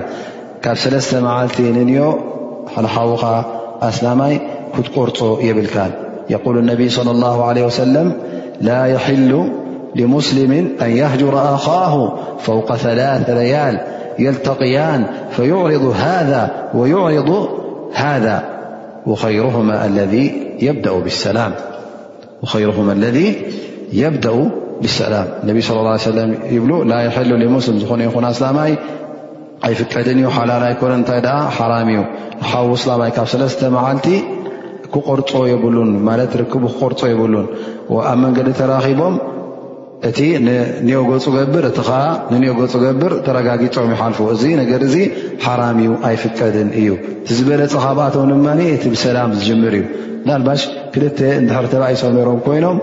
ኣነዶ መጀመርያ ሰላም ክብሎ የ ኣቢ እሱ ድማ ንልካ ደኣሲ ኣነዶ ክጅምር እየ ባዕሉ ፈለፅቲ ተደልዩ ሰላም ይበለኒ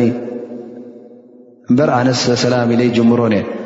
ኢሉ ብትዕቢት ወይ ከዓ ኒሕታ ሒዝዎ ክኣብ እንከሎ እነቢ ስ ሰለም ይብል እቲ መጀመርያ ሰላም ዝብል እሱኡ እቲ ዝበለፀ እቲ ናይ ባእሲ ዝነበረ ንዕኡ ሴሩ ነቲ ቁጣዓ ዝነበረ ንኡ ረጊፁ ሰላም ዝብል እዚ ሰብ እዚ እሱኡ እቲ ዝበለፀ ይብሉ እነቢ ለ ላ ለ ወሰለም ግን እንተ እቲ ሃጅር ወይ ከዓ እቲ ምቁራፅ ርክባት ብሰንኪ ናይ ዲን እተ ኮይኑ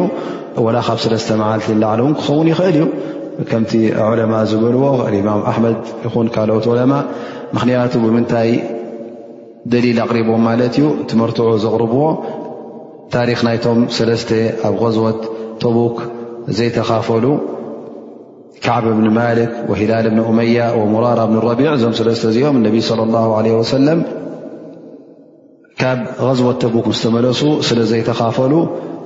ኣነቢ ለ ላ ለ ሰለም እዞም ሰባት እዚኦም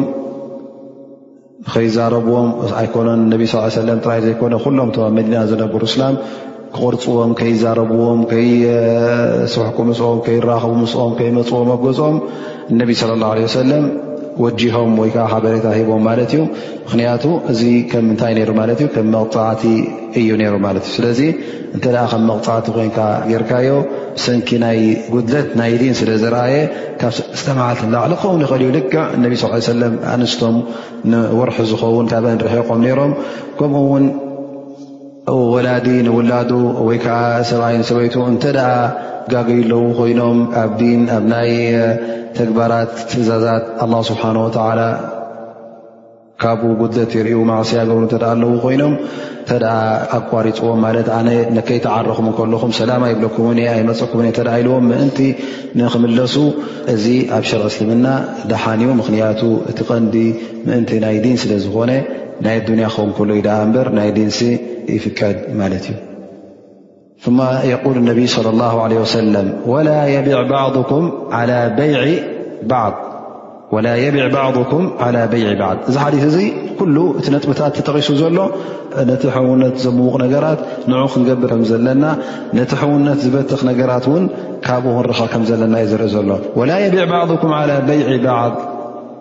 ክብሉ ከለዉ ነቢ ለ ላ ለ ወሰለም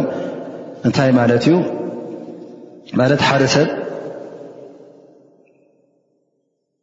ኣቕሓ ክገዝእ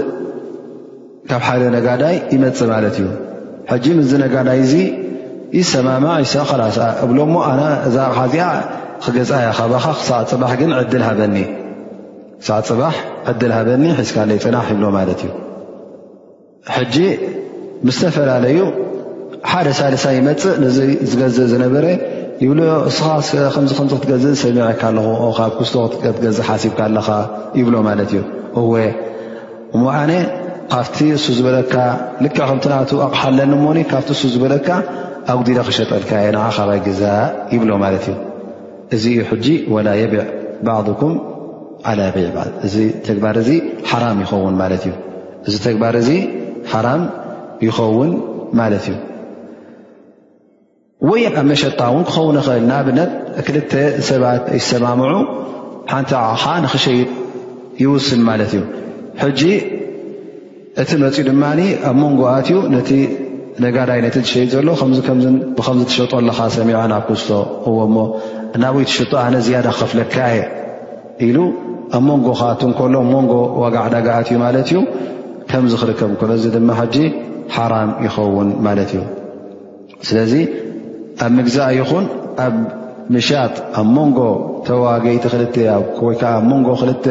ሰባት ገዛእን ሸያጥን ኣትኻ ወይ ብሕሱር ክሸጠልካ ወይ ከዓ ብኽቡር ኣነ ገዝኣልካ ኢልካ ክትኣቱም ከለኻ እዚ ሓራም ይኸውን ማለት እዩ ምኽንያቱ ብኸምዚ ዝግዛእ ኣቕሓ እንተዳሪና እቲ ክገዛ ሓሲቡ ዝነበረ ወይ ከዓ እቲ ኸሸይጥ ሓሲቡ ዝነበረ ትጎድኦ ስለ ዘለኻ ንዓኻ ክፀልኣካዩ ወይ ከዓ ንክልትኹም ነቲ ሕራይ ኢሉካ ዝነበረን ዳሕራይ ዝመንጎኛ መስመፀ ዝጠለመካ ንክልትኹም ፅልእ ክመፅእ ማለት እዩ ባእሲ ክጅምር ማለት እዩ ስለዚ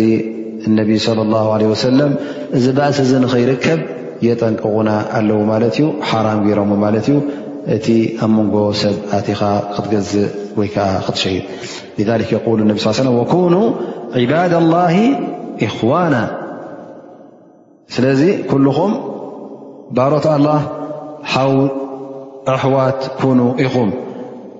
ኣሕዋት ክበሃል እንከሎ ተፋቒርኩም ሓደ ኢድ ክትኮኑ ኣብ መንጎኹም ሓሰድ ዘይብሉ ፅልኢ ዘይብሉ ምቁርራፅ ዘይብሉ ሰናይ ናይ ሓዉኻ ትፈቱ ሰናይ ናይ ሓፍትኻ ትፈቱ ንሱ ሰናይካ እደሊ ንስኻ ሰናዩ ትደሊ ክሸይጥ ክልውጥ እንከሎ ክኸስብ ደስ ይብለካ፣ እቲ ዝገዝእ ድማ ብሕሱሩ ክገዝእ ደስ ይብለካ፣ ከምዚ ክኸውን እንከሎ ንኹላህካ ትራኸብ፣ ትበጻጻሕ፣ ብሰላም ትነብር፣ ትፋቐር እዚ እዩ እቲ ዘድሊ ዘሎ ነቢ ስ ሰለም ወኩኑ ዕባድ ላ ኢኽዋና ኣሕዋት ኩኑ ሓደ ኣካል ኩኑ ይብሉና ኣለዉ ማለት እዩ ከም እንደገና ውን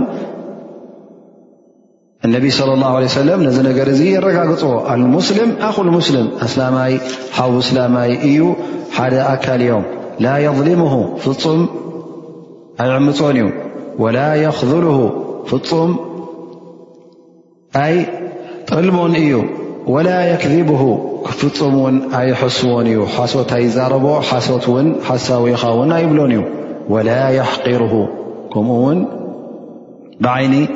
ሕስረት ኣይርእዮን እዩ ኣሕሲሩ እውን ኣይርእዮን እዩ ስለዚ እዚ ኣብ መንጎቶም ኣስላም ክርከብ ዘለዎ መሰላት ይኸውን ማለት እዩ ካብ ኣስላማይ ሓዉካ ትፅበዮ መሰል እሱ እውን ካባካ ዝፅበዮ መሰል እዩ ስለዚ ዓመፅ ዝበሃል ወላ ናይ ምህራም ዓመፅ ክበሃል ከሎ ብ ሓፈሻዊ እዩ ኣብ ገንዘቡ ይኹን ኣብ ንብረቱ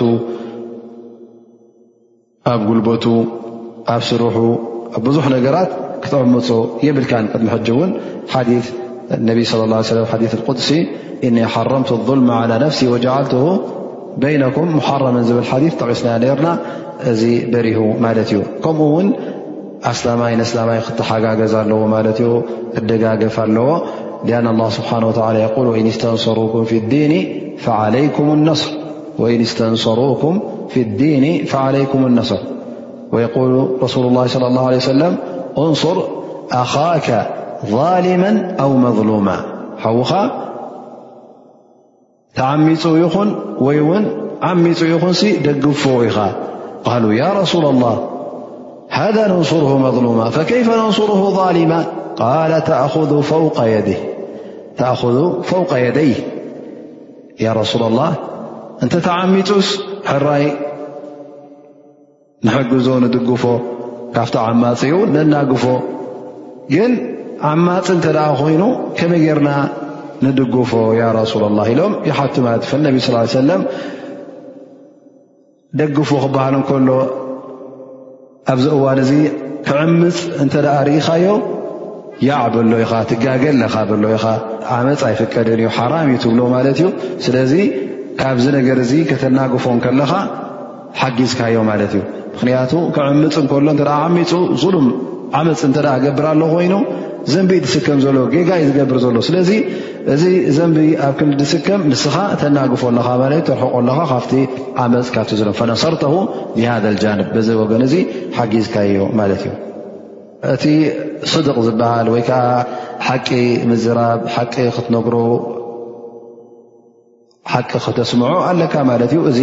መሰሉ እዩ ንዝኾነ ይኹን ኣስላማይ ሓቂ ከተስምዖ ሓቂ እውን ካባኻ ንኽሰምዕ ንስኻ ውን ሓቁ ንኽትሰምዕ ከምኡ ውን እታ መጨረሻ ነጥቢ ዘላ ብዛዕባ ናይ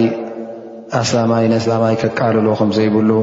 ኩሉ ግዜ ክብረቱ ክሕልወሉ ከም ዘለዎ ምኽንያቱ ንእስላማይ ብዓይኒ ሕስረት ክትሪኦ ከለኻ እዚ ዓብ ዘንቢ ማለት እዩ በል ነቢ صለ ላ ለ ሰለም ኣብዚ ሓዲስ እዚ ብሓስቢ እምርእ ምና ሸሪ ኣን የሕቅራ ኣኻሁ ሙስልም ኢሎም ማለት ይኣኽሎ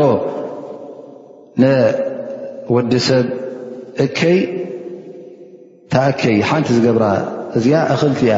ማለት እንተ ንዓ ገይሩ ዓባይ ዘንቢ ኮይና ማለት እዩ እሱ ከዓ ኣን የሕቅራ ኣኻሁ ሙስልም ሓው ስላማይ ብዓይኒ ሕስረት ክርኢ እንከሎ እዚ እኹል ዘይጉዱል ዘንቢ ይኸውን ማለት እዩ ምኽንያቱ እንተ ተሕስሮን ተዋርዶን ኣለኻ ወይ ከዓ ብዓይኒ ሕስረት ትሪዮ ኣለኻ እተ ኮይንካ ነቲ ሓዉኻ ነስኻ ኣልዒልካ ትርኢ ኣለኻ ማለት እዩ ወይ ውን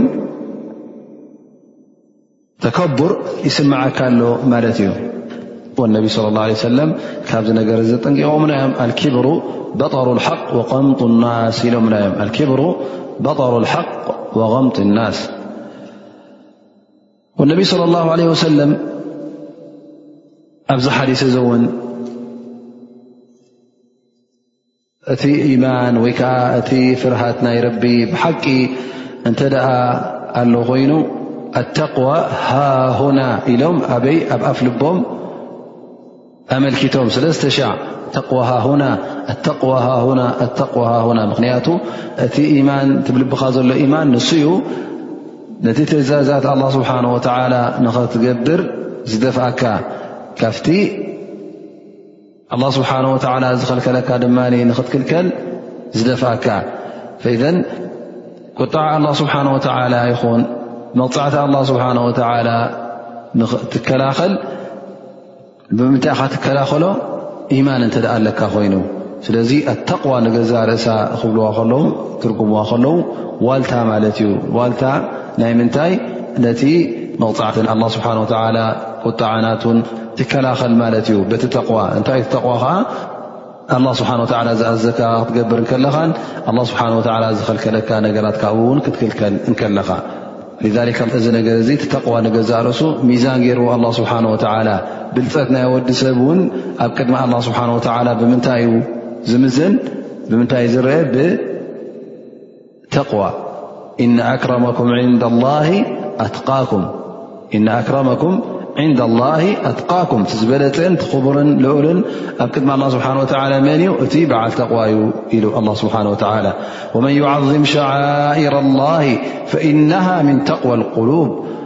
كل الله سبحانه وتعالى أ شعائر الله سبانهوتالى ش اسلمن زنبر تزازات جدبات نع ن أخبرك بح بعل تقوى افر رب موالنبي صىاله عيه وسلم يقول إن الله لا ينظر إلى أجسامكم ولا إلى صوركم ولكن ينظر ل لوبكي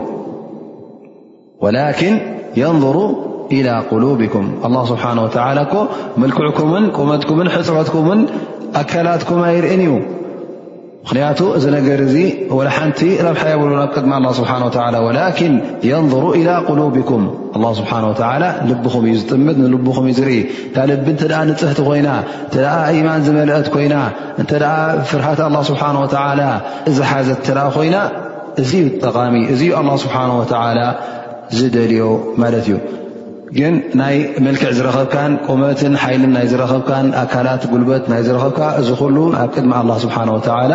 ኣይጠቕመካን እዩ ስለዚ እዚ ዩ እቲ ሓቂ ኣላ ስብሓን ወተዓላ ካባና ዝደልዮ እንተ ደኣ በዓል ተቕዋ በዓል ፈራህ ረቢ እተ ኮይንካ ድማ ነቲ ኩሉ ኣላ ስብሓን ወተዓላ ዝኣዘዘካ ክትምእዘዝ ኢኻ ሓደ ካብቲ ትእዛዛት እዚ እነ ኣነቢ ስ ሰለ ዝጠቐስዎ ኩሉ ሙስሊሚ ዓለ ሙስሊሚ ሓራም ኣስላማይ ንሓወ ስላማይ ኩሉ ሓራም እዩ ማለት ኣብ ዝኾነ ይኹን ኣብ ደሙ ይኹን ኣብ ማሉ ገንዘቡ ይኹን ኣብ ክብረቱ ይኹን ክትጎትኦ ብዘይ ሕጊ ብዘይ ፍቓዱ ክትግህሶ እዚ ሓራም እዩ ይብሉ እነቢይ ለ ላ ለ ወሰለም ስለዚ መሰረታዊ መሰላት ናይቶም ኣሕዋትካ ክትሕሉ ኣለካ ንሶም ውን ይሕልውልካ ማለት እዩ ምእንቲ እቲ ሓደ ህብረተሰብ እትነብርዎ ዘለኹም ኩልኹም ብኣማን ብዕረፍቲ ብርግኣት ምእንቲ ክነብር ነቢይ ለ ላ ለ ወሰለም ነዚ ጉዳይ እዚ ኩሉ ግዜ እዮም ጠቕስዎ ነይሮም ኩሉ ግዜ እዮም ዝጠቕስዎ ነይሮም ኣብ ኹጥባ ይኹን ኣብ ተራ ዘረባኦም እንተ ርእና እነቢ ስለ ላ ለ ወሰለም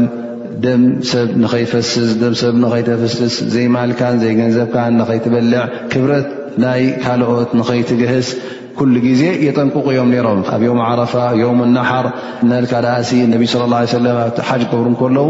ነዚ ጉዳይ እዚ ጠቒሶምዎ እዮም ኣስላማይ ንእስላማይ ኩሉ ሓራም ከም ዝኾነ ፍጹም ክገሃስ ከም ዘይብሉ መሰላቱ መሰላቱ ክሕለዉ ከም ዘለዎ ትሓዉ ሓቢሮም እዮም ማለት እዩ ኣብ መጨረሻ እዚ ሓዲስ እዚ ብዙሕ ፋይዳ ረኺብና ኣሉ ማለት እዩ ገለ ካብቲ ሕፅር ሕፅር ዝበለ ፋይዳ እንተ ርእና ኣብዚ ሓዲስ እዚ እንታይ ንረክብ ልቢ ወይ ከዓ እቲ ቦታ ናይ ኢማን ኣብ ልብኻ ክሳዕ ክንደይ ዓብይ ኣገዳስነት ከም ዘለዎ ይበርሃልና ማለት እዩ ምክንያቱ እቲ ፈለግ ናይ ኢማን ፈለግ ናይ ፍርሃት ረቢ ኣብኡ ስለ ዘሎ ከምኡ ውን ዕቅን ናይ ወዲ ሰብ ሚዛን ናይ ወዲ ሰብ ኣብ ቅድሚ ኣላ ስብሓን ወተላ ብምንታይ እዩ በቲ ተቕዋ በቲ ፍርሃት ኣላ በቲ ኢማን ናቱ ኢዳ እምበር ካልእ ነገር ከም ዘይጠቕቦ ትስልምና ድማ ኣብዚ ሓዲስ እዚ ከም ዝረኣናዮ ሓደ ሸነኽ ዝሓዘ ዘይኮነን እስልምና ዓቂዳ እምነት እዩ እስልምና ዕባዳ ኣምልኾት እዩ እስልምና ኣኽላቕ ስነ ምግባር እዩ እስልምና እውን ሙዓመላ እዩ ማለት ነንድሕትካ ትራኸበሉን ነንድሕትካ እውን ትለዋወጠሉን ስለዝኾነ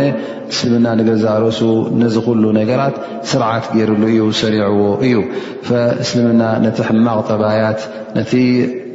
ክፍኣት ተግባር ኣብ እቲ ህብረተሰብ ናይ ምኑቛትን ናይ ዘይምቅድዳውን ሃዋሁ ክፈጥር ስለ ዝኽእል እዚ ነገር እዚ ኣላ ስብሓን ወተዓላ ብደንቢ ሓሪምዎ እዩ ኣብ ትስልምና ድማ ብደንቢ ኩልኩልን ሓራምን እዩ ኣብ ኣዱንያን ኣብ ኣኼራን ድማ መቕፃዕቲ ከም ዘጓንፍ እነሀ እቲ ሓዲት ነቢ ስ ሰለም ይኹን ኣያት ቁርን ይኹን ኩሉ ሓቢሩ እዩ ናይ ሎሚ ደርስና በዚ ይድምደም